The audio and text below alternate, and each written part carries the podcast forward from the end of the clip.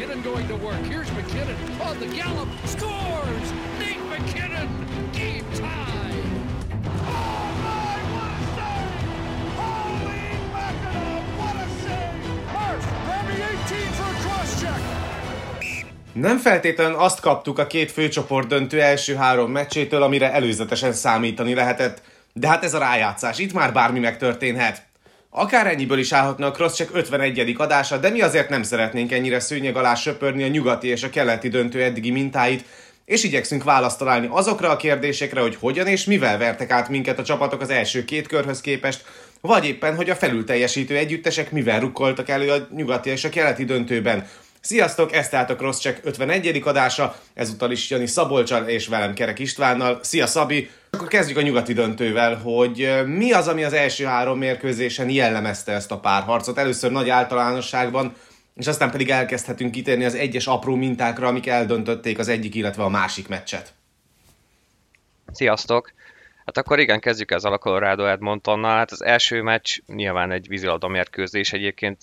Én személy szerint pontosan erre számítottam. Ugyanaz a rohanós hoki volt, talán a Colorado-t egy picikét meglepte az, hogy itt, itt valóban nagyon-nagyon komoly támadó egységgel néznek farkas szemet. Nyilván megdividékről van szó, az alsóbb sorokról nem igazán, de hogy ekkora ekkora rohan még nem igazán érkezett a Colorado irányába. Nyilván a Bluesnak is voltak jó meccseik, de alapvetően a Bluesnak a mélysége nem jött ki, a Nashville hagyjuk, úgyhogy ilyen szempontból szerintem először uh, találkoztak ezzel a rájátszás során, és hát ebben nekik bele kellett szokniuk. Nyilván valamilyen szinten készültek meg Davidékre, de hát meg David olyan, akire nem igazán lehet. Uh, ebből alakulhatott ki ez a, ez a mérkőzés, mert az Edmontonnak eddig is ment ez a fajta hoki, de a második meccsen pedig gyönyörűen látszott az, hogyha egy Colorado-nak már megvan a tapasztalata, túl lendültek az első meccsen, meg is nyerték, egyébként ez nagyon fontos volt, hogy, hogy egy ilyen bolond meccset is be tudtak húzni az Edmonton ellen. Ugye ez történt a Flames ellen is, de a Flames képtelen volt arra, amire a Colorado már a második mérkőzésen, hogy megszűrje meg DVD-ket, és ne adjon szinte semmi, semmi lehetőséget. Nekik gyakorlatilag tényleg az első percekben volt egy-két helyzet az Edmontonnak, onnantól kezdve semmi, lelettek teljesen nullázva, azért teljesen sima mérkőzés volt, bármennyire is tűnhet úgy, hogy, hogy nem az volt, de az volt. És hát utána utána pedig a harmadikon az történt, amit én a calgary vártam, hogy még hogyha jön is meg DVD-knek a játék, és, és jönnek a pontok, mert hát azt hiszem most is pont per meccs fölött van, de semmit nem számít, mert a Colorado pont annyival jobb, és oldja meg a többi sort, és a támadó játéka nekik ugyanúgy megvan, mert ennek az Edmontonnak továbbra is fenntartom, hogy borzalmas a védekezése, és uh, itt tartunk így, hogy 3-0 hiába, hiába egyébként megdévidtek még jönnek a pontjai, és ami még nagyon fontos az az, hogy Dreisaitl nem tud fellépni. Ez az, amit én például a második meccsen borzalmasan hiányoltam, hogy oké, okay, rendben van, sikerült a colorado teljesen megfogni a McDavidet, de az, hogy Dreisaitl a második sorból tehát nem az, hogy ö, valamilyen szinten megpróbálná elvenni a figyelmet meg David elől, hanem totál nulla volt és ezt nem engedheti meg az Edmonton, tehát, mert ennyi esélye talán még lehetne az Oilersnek, hogyha, hogyha azt ki tudná erőszakolni ebből a játékból, hogy, hogyha megdividéket leszedik, vagy megdividet leszedik, akkor, akkor megosztják a figyelmet, és ott legyen Dryside. Szerintem egyébként hosszú távon az is kevés lenne, de, de hogy ebből látszik, hogy meccset sem tudnak egyelőre csinálni. Igazán hiába, hiába volt már 8 meg 4-2 abból a szempontból szerintem mind a két csapat átvert minket, hogy az első mérkőzésen azt tudatosították a nézőben az eredményt látva, meg ugye a játékképét is látva, hogy ők nem akarnak védekezni, és igazából nem is tudnak, mert hogy sem jó kapus teljesítmény nem volt, sem érdemi védekezés nem volt a meccsen, és kis túlzásra egy ilyen all gálává fajult át ez a mérkőzés, ez a 8-6 a legvégén, és szerintem itt egy picit mindenki elkezdte azt hinni, és magamat is beleértve, hogy, hogy akkor ezt láthatjuk majd egy teljes szérián keresztül, hogy rohannak, mint az őrült, és, és lövöldöznek rengeteg gólt, és akkor akinek éppen jobban kijön a lépés, azt tudja behúzni ezt a meccset. Hát viszont a második meccsen ez egészen más képet festett már. Hát az első, az első pár perc így nézett ki, én ott meg is ijedtem, hogy ne, nehogy már, hogy tényleg ez lesz az egész szíria. Na és ott váltott egyet a Colorado, hogy akkor innentől kezdve vegyük komolyan a hokit. Mert, mert akármennyire is rengeteg gól született, ez tényleg nem playoff hoki és főcsoport döntőhöz méltó volt az első meccs. És onnantól kezdve a Colorado tényleg olyan, hogyha így megrázta volna magát, és akkor nagyon jó védekezzünk, és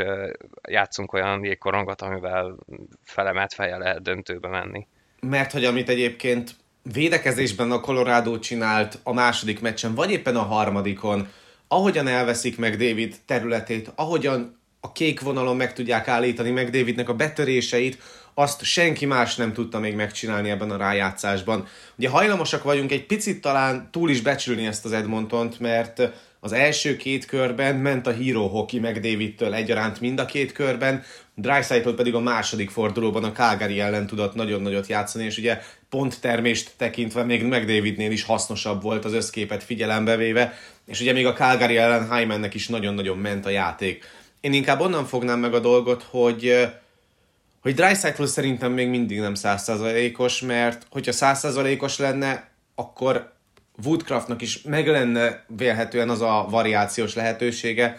hogy második soros centert játszott Dreisaitl-lel, amit egyébként az alapszakaszban folyamatosan megtett, és amit egyébként akkor is megtett végig a Kings elleni szériában, ameddig nem sérült meg Dreisaitl lába. Egyébként sem a legdinamikusabb játékosok közé tartozik a korábbi MVP, ugyanakkor azt mindenképpen hozzá kell tenni, hogy érdemes nézni a mozgását, hogy, hogy az első lépései azok mennyivel darabosabbak, mint mondjuk voltak a Kings elleni szériába, hogy ne menjünk annyira messzire a rájátszás korábbi szakaszában, hanem, hanem tényleg azt látja az ember, hogy már-már kényszerűségből azért van fenn a égen McDaviddel, mert akkor így McDavid el tudja végezni kis túlzással az ő backcheckelős feladatát is, és az lesz majd érdekes, hogy ezt hogyan fogja majd összehozni akkor, amikor ugye a negyedik mérkőzése még Evander Kane sem lesz, aki ugye stabilan a második sorban játszott a, a párharc első mérkőzésén mindenképpen, aztán ugyan ezt is variálta egy picit Woodcraft, és, és kezdte finomra hangolni a dolgokat, és visszaállt erre a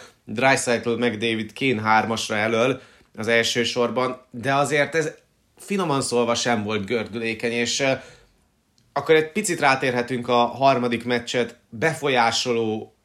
esemény sorozatra, ami egyébként a harmadik meccsen még nem jött elő eredmény tekintve, de ugye a negyedik mérkőzésre már elég komoly hatása lehet Nazem Kadrinak a kiesésének, mert hogy nagyon-nagyon jól működött az a sor, Nicsuskinnal nagyon-nagyon jól találták meg azokat a területeket, amit be lehet játszani, és Nicsuskinnak a két irányú játéka az egészen kiváló volt. Ugye ő az a játékos, aki hát amikor ekkora tűzerő van, és ekkora sztárerő van egy csapatban, mint a Colorado-ban, nem feltétlen rá kerül a legtöbb reflektorfény, és ez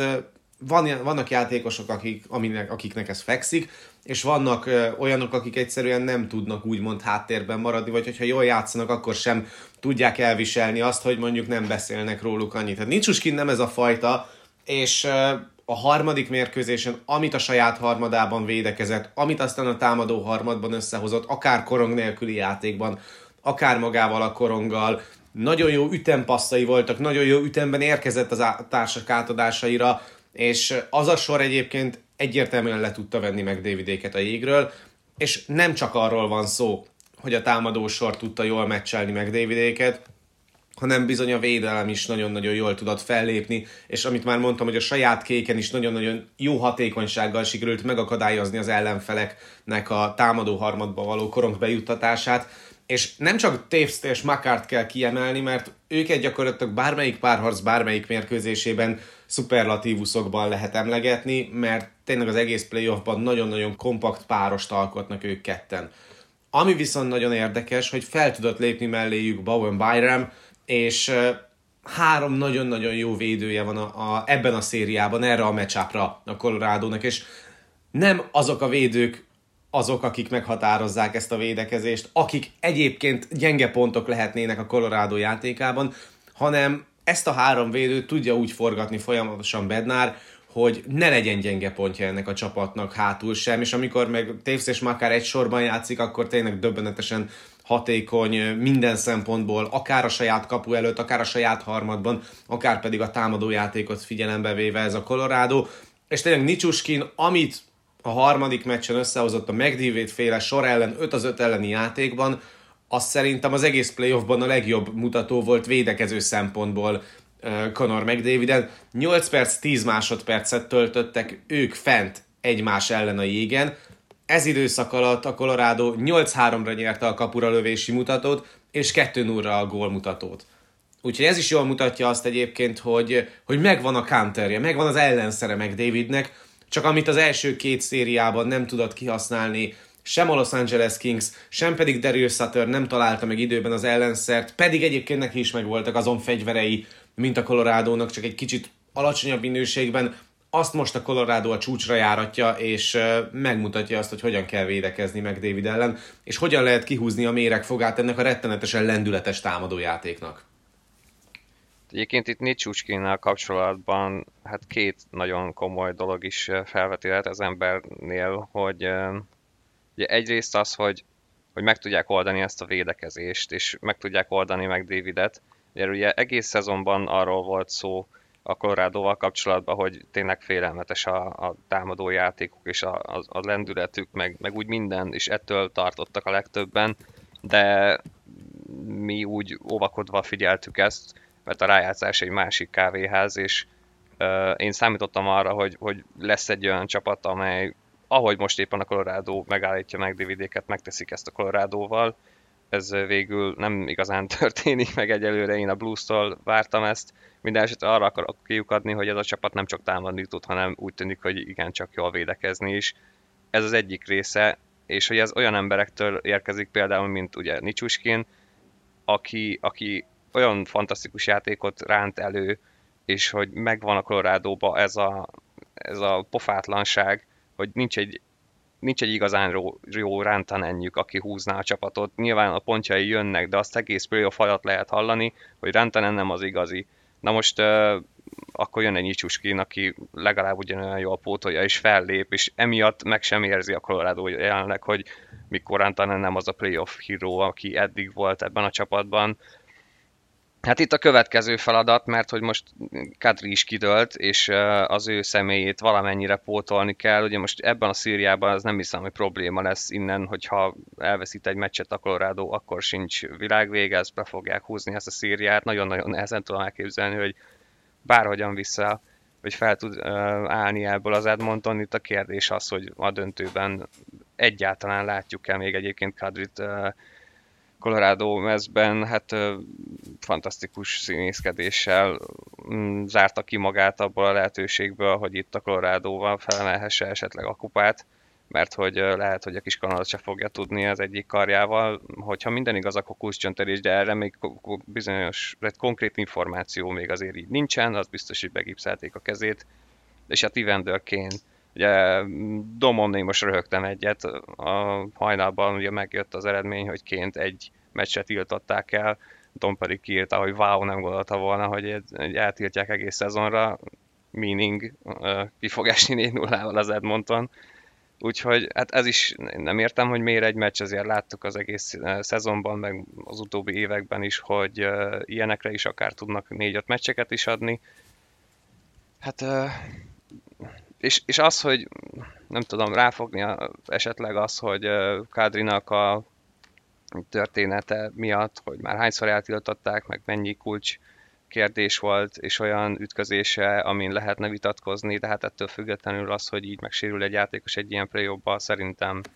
szerintem minden esetben szomorú, ráadásul pontosan ezt láttuk már a második meccs végén az Edmontontól, hogy hajlamosak ezt akár szándékosan is megtenni, mert borzalmas volt az utolsó két perc, amit ott is leművelt Evander Kane és Nurse, és nem, nem, nem erről kellene szólni ennek az egésznek. Úgyhogy itt a döntő szempontjából lesz nagy kérdés, hogy ezt meg tudja oldani a Colorado, és lesz-e egy olyan ember a, náluk, aki, aki ugyanúgy fogja tudni pótolni a szürke rantenent, ahogy Nicsuskin teszi, itt, hogyha kiidő a kádri hosszú, hosszabb időre, mert ez könnyen előfordulhat. Én egy picit még a tendenciákat próbálnám felvázolni ezzel a párharccal kapcsolatban, főleg az 5 az 5 elleni játékra koncentrálva, mert ami igazán meg tudja adni a kapaszkodó pontot az Oilers számára, az egyébként pont az, hogy az utolsó mérkőzésen már 5 az 5 elleni játékban sikerült felülmúlni a Colorado-t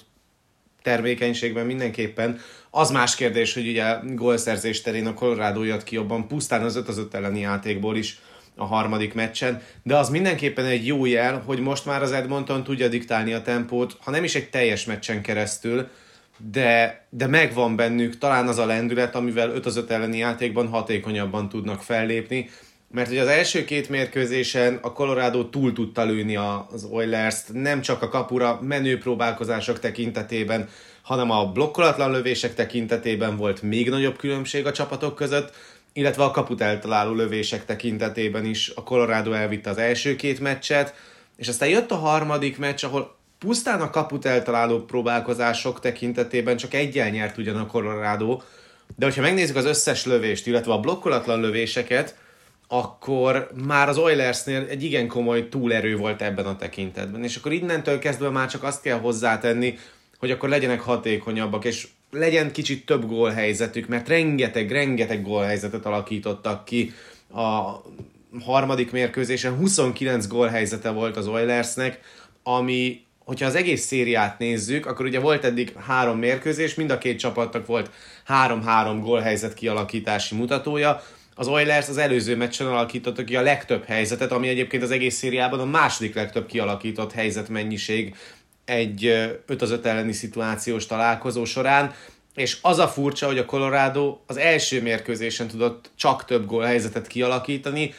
azon a mérkőzésen, ahol viszont a legtöbb jégidő történt az öt elleni játékban, és egyébként ha, ahogy haladunk előre a szériában, úgy lesz talán egyre kisebb jelentősége az 5 az 5 elleni játéknak, hogyha a jégidőt nézzük. Mert az első meccsen volt 52 percnél is több jégidő 5v5-ben, aztán a másodikon 45 és fél perc volt az 5 az 5 elleni jégidő, a harmadikon pedig már csak 43 perc alatti jégidőt játszottak a csapatok 5 az 5 ellen,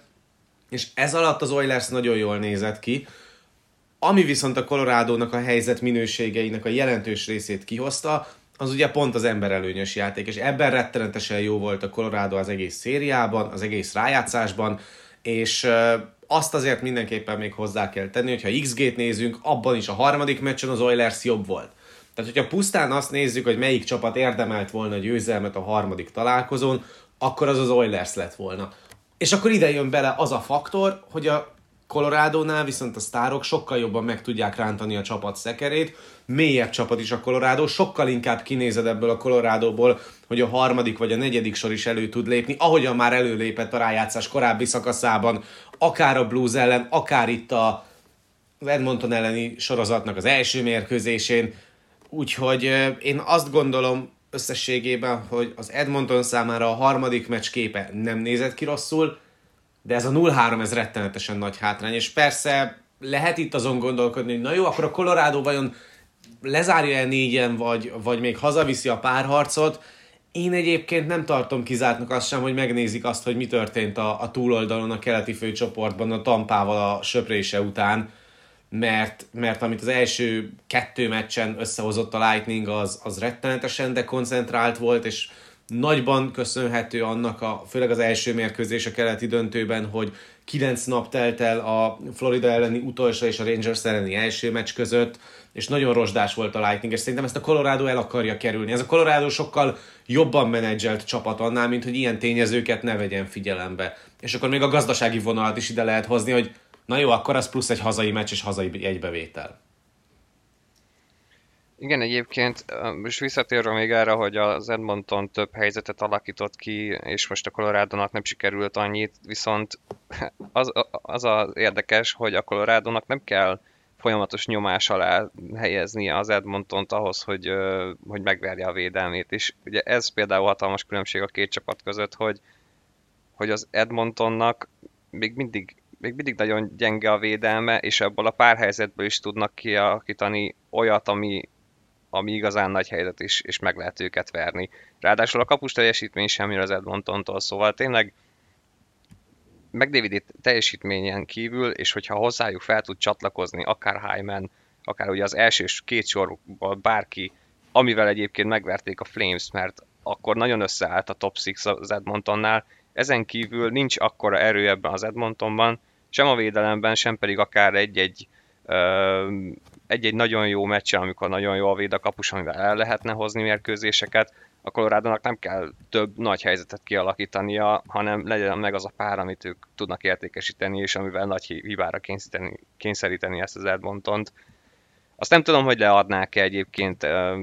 lehet, hogy logikus lenne, és lehet, hogy tényleg jól járnának vele, de ez egy mégis egy akkora rizikó, amit egy főcsoport döntőbe, hogy tudatosan megcsinálna egy csapat, nem tudom, hogy bevennék vállalni. Az már ilyen óriási,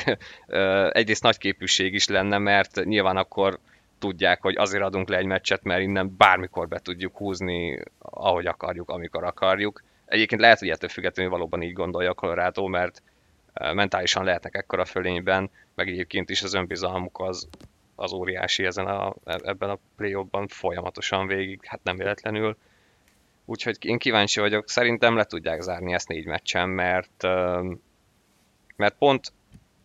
pont ez a meccs lehetett volna a harmadik az, amikor tényleg megvannak a helyzetei az Edmontonnak, meg Davidnek is jön a golja rögtön az elején, és akkor mégis az a vége, hogy 3-0, és milyen demoralizáló vereség ez az ilyen szoros meccs, amikor nem az van, hogy hogy, hogy totálisan lemossák őket, hanem, hanem van esélye az Edmontonnak, de még így sem sikerül, az még lehet, hogy jobban fáj. Hát ez a meccs nagyjából lélekrablás tekintetében ugyanolyan, mint a colorado a második meccse volt még az első körben a Nashville ellen. Tehát, hogy szerintem van akkora jelentősége ennek az elhozott meccsnek, mint amit ott otthon tudott tartani az EFS. Hát vagy amit, vagy amit pontosan a Tampa csinált a Florida ellen idegenben, amikor az utolsó pillanatban lőtték ezt a gólt, és ott, ott gyakorlatilag fel is adta a Florida, is megtörtént a söprés.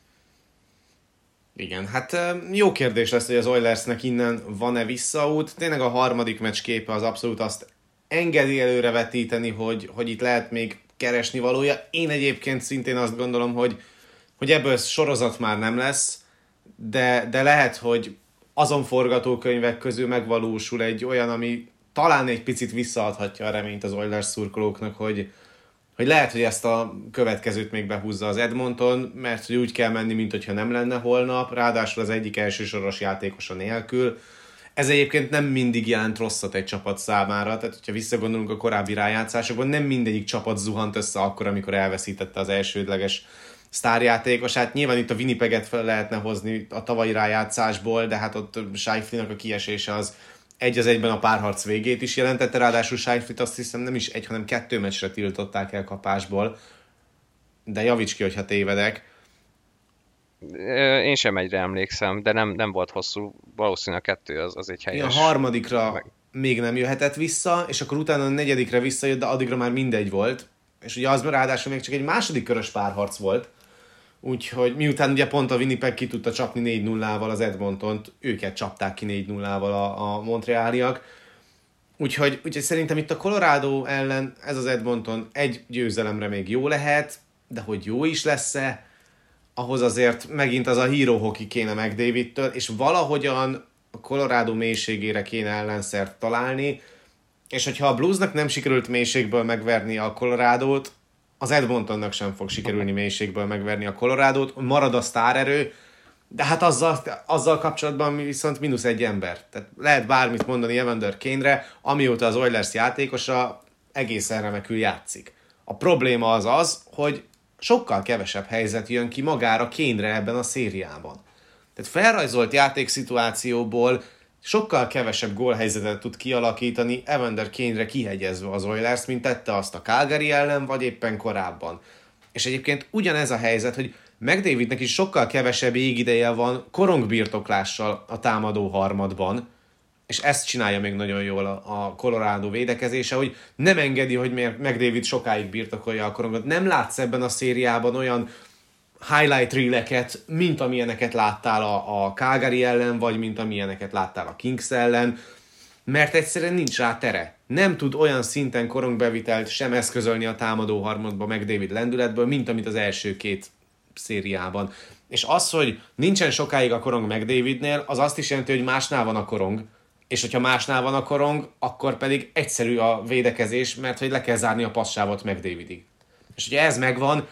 Dreisaitl egy nagyon jól irányító játékos, de ő nem úgy fog tudni irányítani, ahogy a McDavid. De nem a lábát használja, hanem a csuklóját, illetve a szemét akkor, amikor irányít. McDavid ugye mind a hármat, és, és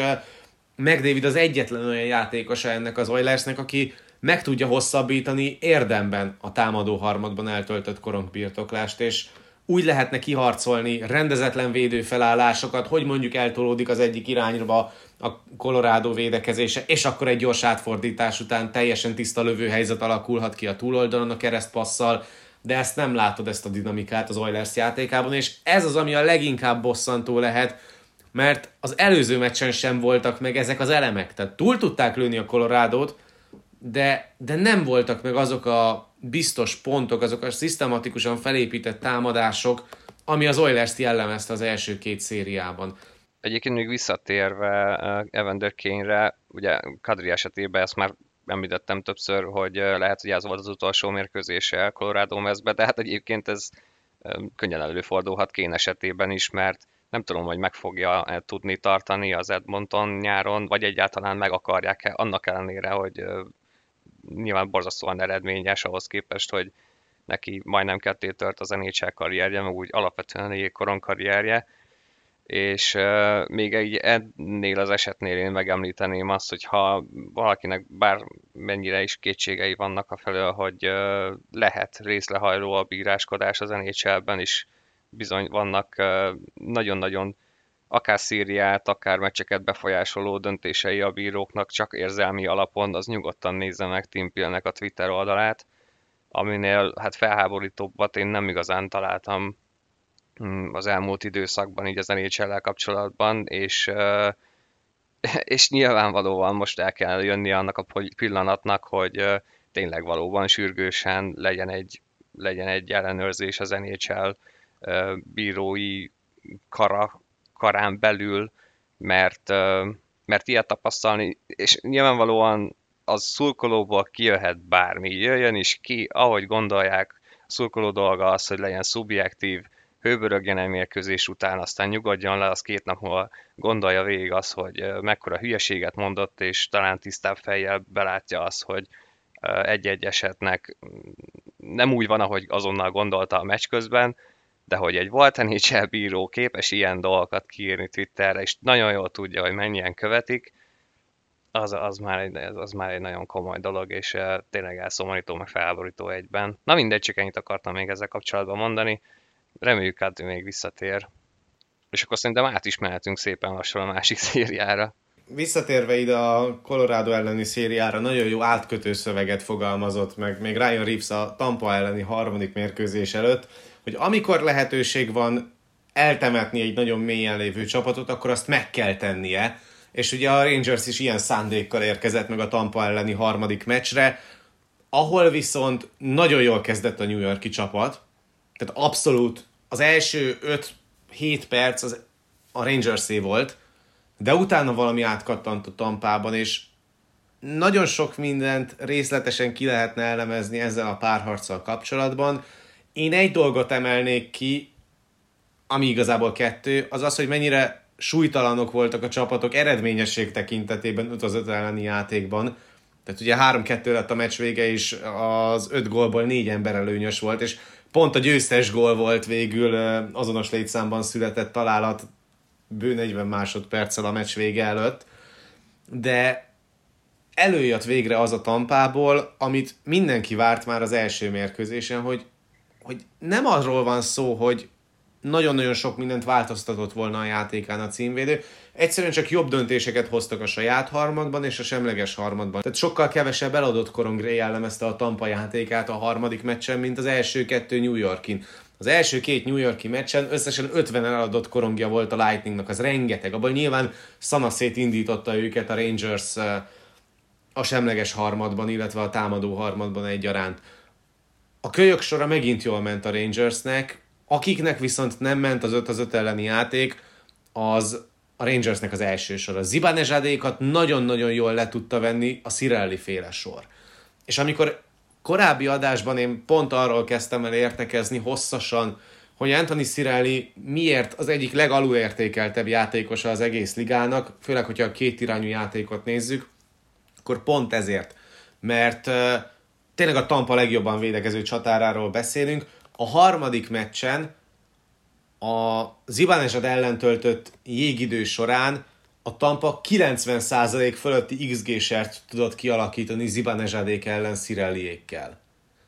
Tehát teljesen megszűnt a játék az Zibanezsadéknak, sőt azt lehetett érezni, hogy ahogy haladunk előre az időben, harmadról harmadra, úgy van egyre kevesebb olyan játékszituáció, amikor Zibanezsadékat nem a saját harmadukban látod nem történt az, hogy mondjuk gyorsan átviharzottak volna a pályán, és akkor el lehetett volna kezdeni játékot szervezni. Zibanezsad egyedül emberelőnyben tudott hasznos tagja lenni ennek a csapatnak. 5 az 5 ellen teljesen beszorulta a saját területére az első sora a Rangersnek, és a harmadik harmadban ott pedig aztán tényleg a feje tetejére állt a világ. Ott a tampának tényleg az elejétől kezdve mennie kellett,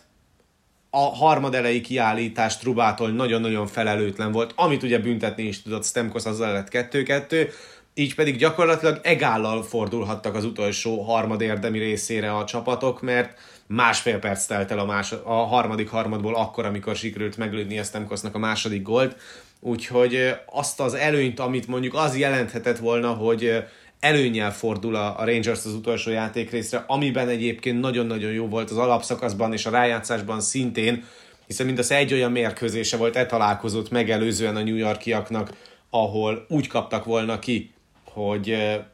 kétharmadnyi játék után vezettek,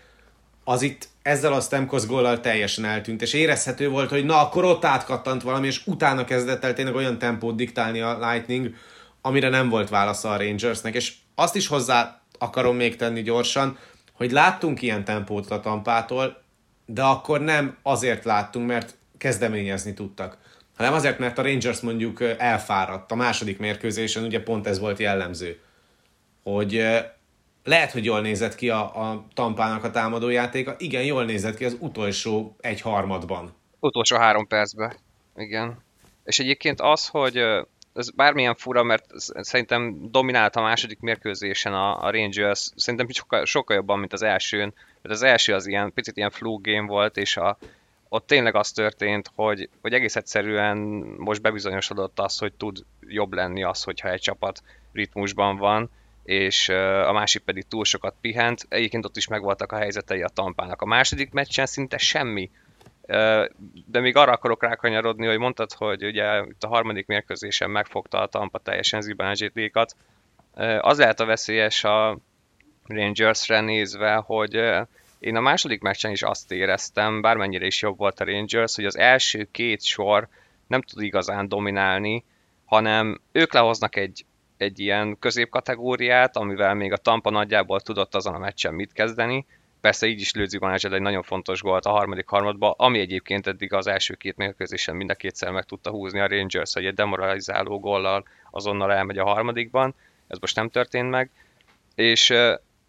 és érkezett a második meccsen a harmadik sor, ami, ami rettentően jó volt, és nagyon-nagyon meg tudta törni a tampát, ami után, és ők szinte folyamatosan ott voltak a támadózónában, és mindig tudtak támadást generálni, tehát domináltak, nem úgy, mint az első két sor, aztán pedig érkezett a nagyon stabil negyedik, ami hát valami elképesztő tempóval ö, zavarta a tampát, folyamatosan is ütközött, de és ez az, amit nem tudott tartani utána a Rangers valóban elfáradtak a második mesnek a végére is, de ez a fajta mm, teljesítmény, amit az első két sorra nyújtott a Rangersnek, ugye a hazai égen még könnyebben elmegy, de idegenben pedig láttuk azt, hogy már mennyivel könnyebb egy Cirelli féle sornak dominálni, és tényleg totálisan leszedni a, a Rangersnek az első sorát, úgyhogy ez, ez még lehet egy fordulópont a Szíriában később, mert szerintem ezt a fajta játékot otthon a Tampa ugyanúgy meg fogja tudni tenni a Rangers top sorjai ellen. Itt a kérdés az, hogy hazai égen fel tudnak-e, vagy tudnak-e egyet kapcsolni a saját játékukon, ami, ami hát, hogyha nem sikerülne, akkor azért lenne szomorú, mert, mert ritka az, hogy egy csapatnak ennyire, ennyire nagyon-nagyon jól megy a harmadik sora, ráadásul tényleg ilyen játékosokkal, ahol rutin szinten És tényleg a legjobb sora a Rangersnek Úgyhogy... ezen a meccsen is a harmadik Abszolút. volt. Tehát a Lafreniere, Kakko, Hitil 3-as volt az a trió, amelyik több XG értékű helyzetet tudott kialakítani, mint az ellenfél. Az összes többi sort a Tampa túl tudta lőni ebben a tekintetben, a negyediket leszámítva. Ugye a negyediknek túl sok ideje nem is volt 5 az 5 ellen, de az is jól mutatja, hogy 12 percet játszottak nagyjából együtt egyszerre a jégen Szirelliék Zibanezsadékkal, és az, amit láttunk, az a védekezés, az a transition játék, 22-4 volt a kapura lövési mutató a Lightning javára akkor, amikor ez a páros a jégen volt, és az is jól látszott a mérkőzésen, hogy Cooper a backpárjait is úgy forgatja, hogy Megdana és Csernák legyen most minden egyes alkalommal Zibanejadékon, mert ugye Csernáknak az agresszív letámadása az gyakorlatilag egy 1-3-1 is tudja alakítani a tampának a védekezését korong nélkül, míg amikor mondjuk Hedman és Rutta volt fent a jégen a korábbi mérkőzéseken New Yorkban, ott pedig azt lehetett látni, hogy, hogy igazából Hedman sem mer felmenni letámadni, sem pedig Rutta, és ami tényleg érdekes volt, számomra mindenképpen, hogy Cooper annak ellenére, hogy nincsen point, erre a meccsre bevállalta a 12-6-ot, és nem maradt a szokásos 11 hétnél. Igen, pont, pont erre húzta meg, a, és állt vissza erre a mm, taktikára. Hát bejött neki, és ez az, amit egyébként én még a második meccsen mondtam, hogyha, hogyha van edző és van csapat, amelynek nem szabad megadni egy minimális teret sem még ott sem úgy, hogy, hogy elment a Rangers, mert sokáig csak egy gól volt a két csapat között, ettől függetlenül dominált azon a meccsen a Rangers, de nem szabad megadni ennek a tampának, mert bárhonnan vissza tudnak állni. És hogyha nem, hogyha nem játékba kapják ezt meg a másik csapattól ezt a hibát, akkor van egy olyan edző, aki a két meccs között tud olyat húzni, ami hát általában bejön, ismét bejött, és még visszatérve erre a Rangers első két sorra, semmiképp sem azt mondom, hogy nem jók, mert, mert nyilvánvalóan uh, eddig is nagyon jól vitték a Rangers. Én csak azt mondom, hogy ahhoz egy ilyen Tampa ellen még, még egy olyan meccsük nem lesz, mint az első. Még egyszer nem lesznek ennyire fejben széthulva, mert nagyon sokan ráhúzták azt a meccset Vasilevskire, szerintem egyáltalán nem rajta ment, tehát olyan hidő hibákat mutatott be a Tampa, amit hát talán még a Toronto elleni első mérkőzésen láttunk, szóval ami szokatlan tőlük, de ilyet még egyszer fejben nem fognak ebbe a szériába már bemutatni, főleg így, hogy sikerült behúzniuk egy ilyen szoros meccsen a, a harmadikat, otthon lesznek ismét, és ezért kell a Rangers-től az, hogy, hogy villanjanak, villanjanak Panarinék, ne csak a harmadik sor legyen ennyire jó, annak is meg kell maradnia ahhoz, hogy egy tampát ismét meg lehessen törni, mert itt szerintem ez, a, ez, a, ez lesz a fontos a Rangers számára, vagy a Rangers szempontjából, hogy jó, most 2-1, de akkor törjék meg ugyanúgy ezt a tampát győzelmi meccsek tekintetében, mint ahogy teszik mondjuk, vagy tették azt az első két mérkőzésen, amikor kijöttek a harmadik harmadra, és akkor ott mind a két meccsen egy picit feltámadt a Tampa, a második meccsnek a, harmadik, a második harmada végén is, amikor visszajöhetett volna a Tampa, de, de tudtak még egyet döfni beléjük. És talán most ez lenne nagyon fontos itt a következő meccsen, hogy, hogy valahogy uh, tudjanak ők is válaszolni a tampának erre a játékára, mert hogyha három egyel haza tudnának menni, hát az, az óriási uh, előnyt adna nekik, mert, mert otthon nagyon jó a Rangers, és uh, hát nem mindegy, hogy 2-2 vagy 3-3 egy ilyen tampa Ha viszont behúzza a tampa, hát az... Levivel közvetítettük a találkozót, és pont azon tanakodtunk a, a legvégén, hogy, hogy mekkora váltást okozhat ez a győzelem a párharc dinamikájában, mert ez a meccs, ez pont arról szólt, hogy a Tampa mindent megmutatott abból a repertoárból, amiben jók. Mert hogy nagyon jó volt a védekezés, nagyon jó volt a meccselés, ugye itt Cooper és Cirelliről már beszéltünk nagyon-nagyon sokat és a back pároknak a mozgatásáról is. Nagyon jó volt az emberelőnyös játék, hiszen két gólt is sikerült létszámfölényben elhelyezni az ellenfél kapujába. Vasilevski jól védett, bár ugye olyan nagy tűzerő alá nem esett az ő kapuja, mint a túloldalon Sestjorkiné, és nagyon jól játszott Kucserov és Stemkos. És egyébként Kucserovnak a helyzet felismerése az utolsó gólnál... Ja, hát ezt akartam mondani, igen. Ugye a, a, a Florida ellen nagyon sokan írták, hogy mekkora fantasztikus passz volt az tőle, én megmondtam, hogy hát teljesen üres ember kapta ott a korongot úgy, hogy csak hátranézett és uh, a fonákkal, de ez a tegnapi gólpassz, ez, ez tényleg zseniális volt. És tehát látszott, hogy Sestjorkin sem értette, hogy tényleg egy utolsó pillanatban egy olyan lehellett finom fonákpaszt, és az, hogy észrevette Palatot, hogy, hogy lehet neki passzolni ilyen helyzetben, Úgyhogy volt rajta védő egyébként, hát igen, na ez az a star, star power, ami, ami kell, mert Panarin is képes ezekre, kell a Rangers-től is. A negyedik meccsen viszont lehet, hogy lesz már point. És ami egyébként a párharc első két mérkőzése után megfogalmazható volt a Lightning játékával szemben kritikaként, az egyértelműen az, hogy az ilyen setup playeket nem tudták összehozni, mert amikor a Florida ellen kellett rohanni ész nélkül, azt meg lehetett csinálni point nélkül is. És ugye 5 5 elleni játékban abszolút ez volt felfedezhető a Lightningnál, hogy szándékosan hagyta mondjuk dominálni a Floridát, mert pontosan tudta azt, létszámfölényes megugrásokból lehet majd igazán komoly lehetőségeket kialakítani a Florida ellen. Ez meg is történt. Itt a Rangers ellen viszont, főleg az első meccsen, meg tényleg a másodikon is igazából ugyanez volt a helyzet, hogy ezen a, ez ellen a Rangers ellen alapvetően nem lehet rohanni. Mert ez a Rangers nem nyílik ki annyira. Érdemes nézni azt, hogy mennyire konzervatív a letámadása is a Rangersnek. Ezt már beszéltük korábbi adásokban is, hogy nem csinál semmi extrát a New Yorki csapat.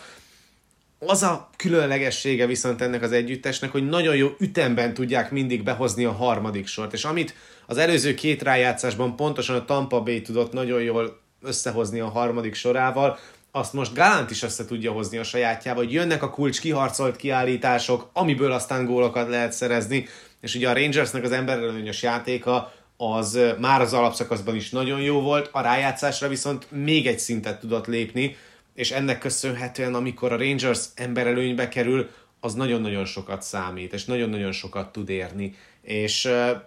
volt olyan pillanata egyébként ennek a mérkőzésnek, amikor, amikor nem lehetett eldönteni, hogy Kucserov most negatív, vagy éppen pozitív hős lesz.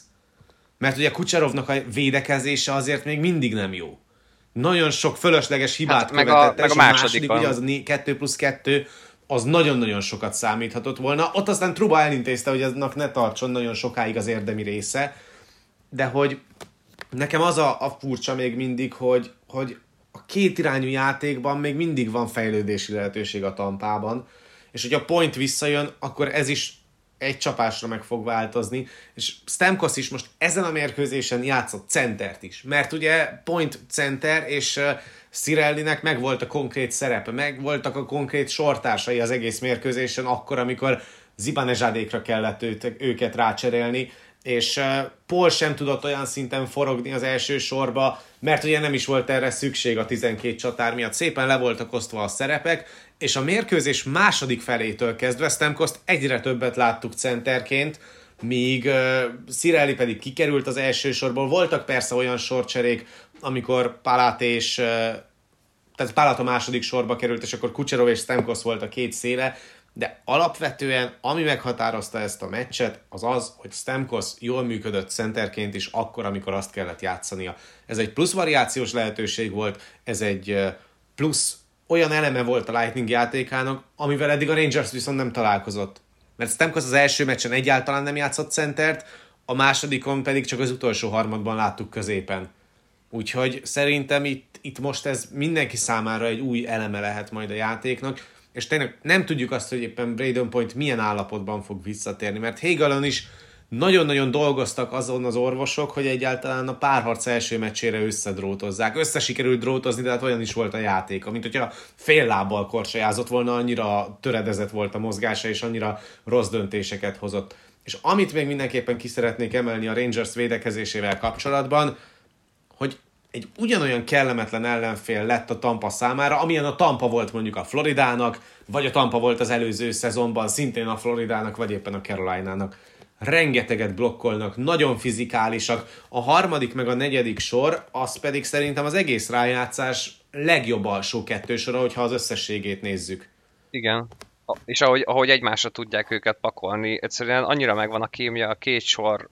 között is, az, hogy a, ez, a, ez a váltakozó feladat, az egyik dominál, a másik máshogy dominál, a másik sebességbe is letámadásba Nekem egyébként azt tetszik nagyon a Rangers Pontosan annyit hoznak ki magukból. A harmadik sor játékában nekem tényleg azt tetszik a legjobban, ahogyan nem csak azért küldik be őket, hogy akkor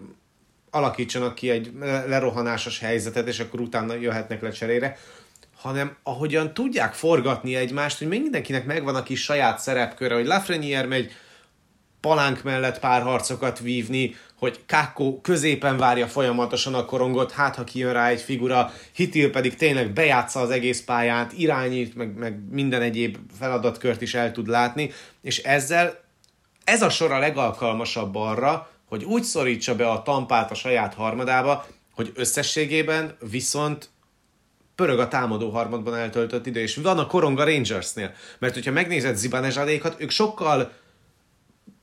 közvetlenebbű, sokkal direktebb játékot alkalmaznak a kapura, és nem arról van szó, hogy darabjaiban próbálják összerakni a támadójátékot, hanem bejutatják a támadó harmadba, jön egy lövés, jön egy kipattanó, vissza a kékre egy újabb lövés, aztán az vagy blokk lesz, vagy elmegy mellé, míg a, a harmadik sor az járatja a korongot, és ez egy nagyon-nagyon furcsa összkép, hogy 5 az 5 ellen ez a sor sokkal kompetensebbnek tűnik támadójáték tekintetében felállt védekezés ellen, mint Zivanezsadék vagy éppen Panarinék. Viszont, viszont szerintem ennek a harmadik sornak talán a, a méregfogát azzal lehetne kihúzni, és erre kíváncsi vagyok nagyon, hogyha tényleg visszatér point, és, és olyan játékkal tér vissza, és össze tudják drótozni, akkor könnyen meg lehet az a, az a fegyvere a tampának, hogy, hogy vagy, vagy pontékat, vagy szirelliéket rárakják a harmadik sorra, mert nem hiszem egyébként, hogy Pólék vinnék el a harmadik sort, ők szerintem inkább akkor a top 6 valamelyikével találkoznának, de hát akkor meg lenne a tampának az a mélység, hogy oké, okay, ott vannak pointék, és akár Szirellit akkor rá lehet pakolni erre a harmadik sorra. De hát ez, ez azon is múlik, hogy point milyen formában fog visszatérni, ha egyáltalán visszatér. Mert jelenlegi formájában öm, tényleg nincs igazán ellenszere a tampának ezen a harmadik sor ellen.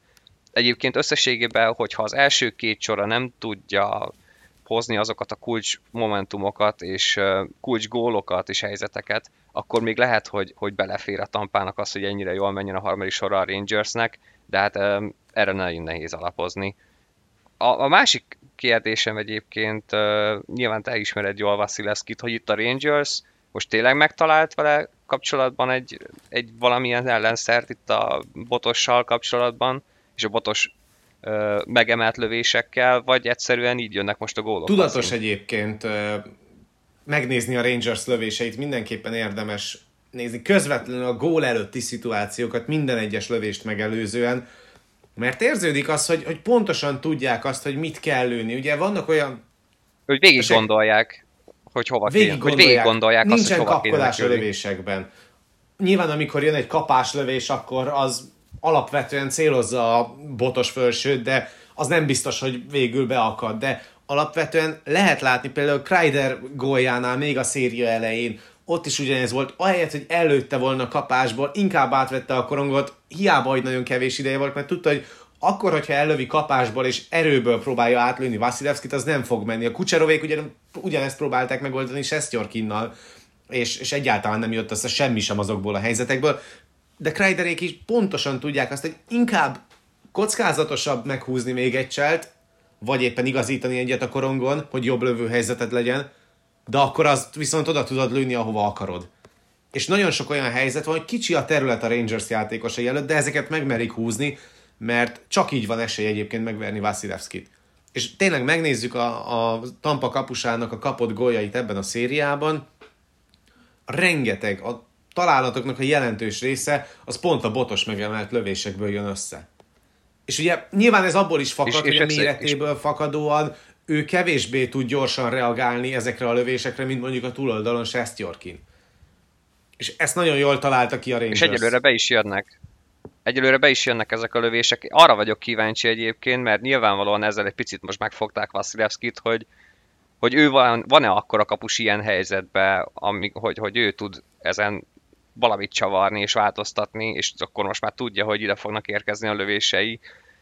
Kíváncsi leszek, mert egyébként ez még mindig döntő lehet ebben a szíriában, mert most érezhetően meg lett egy picit fogva ilyen szempontból. Vagy akár mondjuk a védők tudják-e kicsit kisegíteni azzal Vasilevskit, hogy a lövéseknél akár a blokkokkal másik irányba szorítani a lövőjátékos. Még, még ez is benne lehet, de mm, nyilván ez már egy kicsit összetettebb szituáció. Ami alapvetően a Toronto elleni szériát is meghatározta, illetve a Florida elleni szériát is el meghatározta az előző körben. Az lehet, hogy pontosan ugyanez, hogy ott viszont rengeteg blokkot hajtott végre a Tampa Bay, és ebben a szériában persze vannak blokkjai a Lightning játékosoknak, de nem olyan mennyiségben jönnek ezek, mint mondjuk a Rangersnél, és amellett, hogy rengeteg lövés érkezik Sestjorkin kapujára, és rengeteget kell védeni, és ráadásul most már nem csak arról van szó, hogy a periméterről vagy éles szögből jönnek a lövések, hanem bizony a slotból, a körtetejéről, a magas slotból egyaránt lehet veszélyeztetni Sestjorkin kapuját.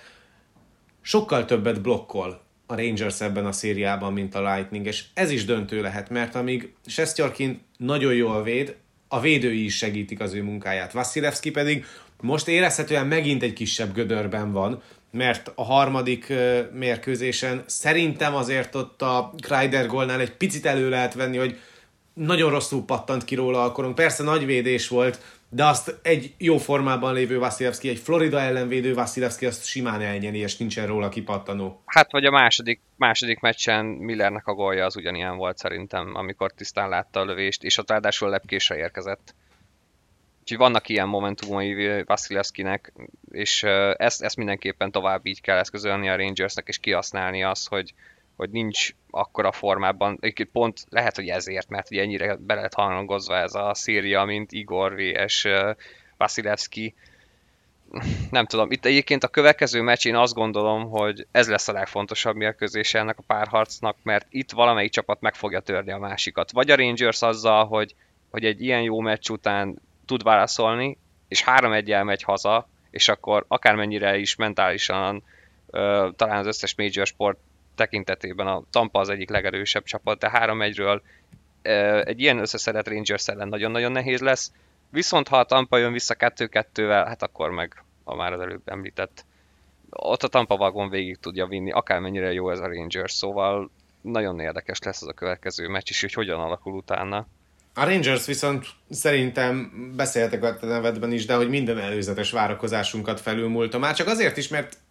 szépen szisztematikusan körről kör egyre jobb játékot nyújtanak, és egyre proaktív játékot nyújtanak. És ebben a szériában abszolút nem arról van szó, hogy várják azt, hogy mit csinál a Tampa, és akkor próbálnak ahhoz alkalmazkodni, és arra reagálnak, hanem főleg az első két mérkőzésen volt ez megfigyelhető, meg a harmadiknak az első tíz percében, hogy próbálnak irányítani, ez most tegnap nem jött össze, de ettől függetlenül ez a széria még mindig nagyon jól néz ki a Rangersnek, mert hogyha pusztán csak abból indulunk ki, hogy elég otthon nyerni, mert ugye a Carolina is pontosan ugyanezt csinálta a Boston ellen, és a Rangers ellen is ugyanerre bazírozott, és nem sok kellett volna egyébként ahhoz, hogy ez összejöjjön. Az más kérdés, hogy a Carolina az elmúlt évek legrosszabb hetedik meccses performanszát hozta szerintem az összes hetedik mérkőzéses csapat közül talán a tavalyi Wild Vegasban volt még hasonló, hogy sokkal alul teljesítettebb játékot nyújtott a Wild, mint amit mondjuk a széria korábbi részében. De hogy ez a Rangers jó. És szerintem itt most nem csak arról van szó, hogy, hogy amikor megérkeztünk erre a párharcra, akkor még pont azt mondtam én is, hogy na jó, oké, eddig nem volt rossz a Rangers, fejlődött meccsről meccsre, de ez lesz majd az első olyan széria, ahova úgy érkeznek meg, hogy nem náluk van a jobb kapus. De az a durva, hogy még most is arról hát beszélünk, hogy a jobb kapus náluk van. A szériában. Ja, ez, ez, ez eddig eldölt ez a rész, hogy ki a jobb ebbe a széria. Ez teljesen egyértelmű. Mi, mi, mi nem azt mondom, hogy itt Vasilevski miatt nem nyert többször a, a Tampa, mert nem erről van szó, pontosan ez mutatja egyébként a Rangers erejét is, és hogy mennyire össze vannak rakva, de az, az egészen egyértelmű, hogy melyik őjük jobb a kettő közül, most még. Tehát itt azért ezt tegyük hozzá, hogy három mérkőzés Igen, a párharc érdemi része majd de csak igen. ezután jön, és én ezért várom nagyon ezt a negyedik meccset, mert, mert itt viszont a Rangersnek is már van veszíteni valója. Mert